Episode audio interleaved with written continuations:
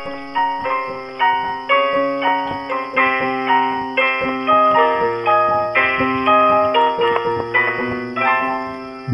Podcast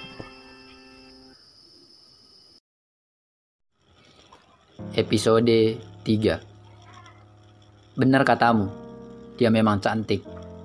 Hanya dua detik aku memandang wajahnya, dan itu cukup bagiku untuk menginterpretasikan makna cantik dari tatapan fisik. Cocok jadi istri ya bang? Jangan menghayal terlalu jauh, nanti terbawa nafsu. Tapi gadis itu kok jarang nampak ya bang? Jarang tinggal di sini. Atau mereka punya rumah lagi? Gadis itu sepertinya masih kuliah, Pram. Begitu Bang Andi Arif Sastrawardoyo jika menyebut namaku. Pram diambil dari penggalan kosakata, kata kedua dari namaku, Adi Pramana Haji Kusumo. Aku suka dengan sebutan itu, sebutan yang sering orang sapakan kepada seorang tokoh di negeri ini. Seorang nama besar yang terkenal dengan perjuangan dan karya-karyanya. Pramudia Anantatur telah lebih 52 karyanya dan dipublikasi ke lebih 40 bahasa. Bagaimana dia memerankan Minke, Annelies Melema, Nyeon Tosoro, Robert Melema, Robert Surhoff, dan Magna Peters dalam karya bumi manusianya. Dengan sangat apiknya. Kompleksitas masalah tersaji dengan menarik, membuat penasaran. Tulisan-tulisannya sar dengan makna. Mereka memang jarang tinggal di sini, Pram.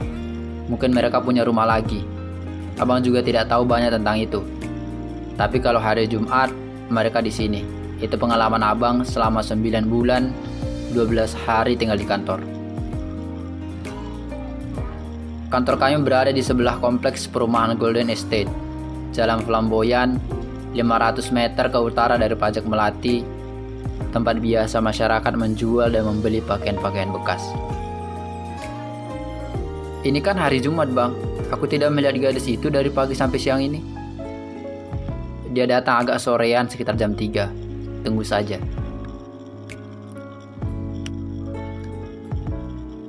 Di belahan bumi lain Nuraini dan mantan kekasihnya saat SMA kembali saling berkomunikasi setelah tiga tahun hilang kontak. Hari Kamis tiga minggu yang lalu pesan singkat masuk ke HP Muklis dari kontak yang tadi kenal. Assalamualaikum. Aku Nureni. Tadi dapat kontakmu dari Muhar. Bagaimana kabarmu, Klis? Lama tak ada kabar. Waalaikumsalam. Hai Aini. Alhamdulillah baik. Iya, maaf tak ada kabar. Tak akan mengganggu kuliahmu. Aini apa kabar? Bagaimana kuliahnya? Alhamdulillah, aku juga baik. Ini sudah semester akhir.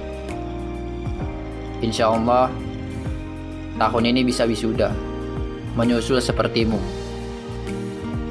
Muklis berpikir sejenak.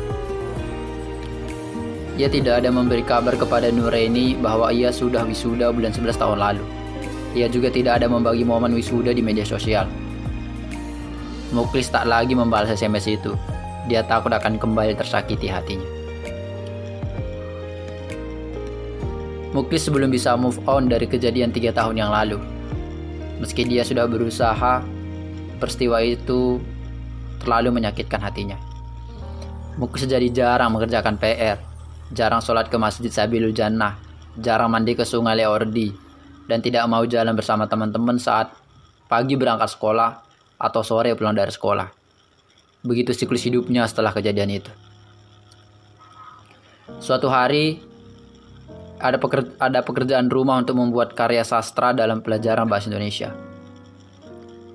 Pagi harinya Ibu Deborah Banurea meminta perwakilan siswa untuk membacakan karyanya di depan kelas. Satu orang membacakan cerpen diwakili oleh Renta. Satu orang membacakan pantun diwakili oleh Cahaya. Dan perwakilan untuk membacakan puisi dilakukan oleh Muklis. Muklis seperti punya kesempatan untuk menyampaikan perasaannya. Rentah membacakan karya cerpennya berjudul Tubuh Kecil Nasib Besar. menceritakan tentang dirinya dan karunia-karunia Tuhan yang diberikan. Saya membacakan pantun remaja romantisnya yang terkadang terlalu dipaksakan. Sebab seringnya tidak menggunakan saja ke AB-AB. Hanya semuanya saja. Lihat saja contoh pantunnya ini. Burung merpati hinggap di pohon jambu. Burungnya jatuh tertembak pistol. Kamu tampan pengen bercumbu. Maukah kamu jadi kekasih hatiku? Sambil tersenyum, manis dia menyampaikannya. Kelihatan gigi ginsul dan lesung pipinya yang cantik. Tiba giliran Muklis untuk menyampaikan puisinya. Dia terkenal jago berpuisi dan pernah menjadi juara membaca puisi di sekolah pada saat lomba perayaan 17 Agustus untuk memperingati hari ulang tahun Republik Indonesia yang ke-69.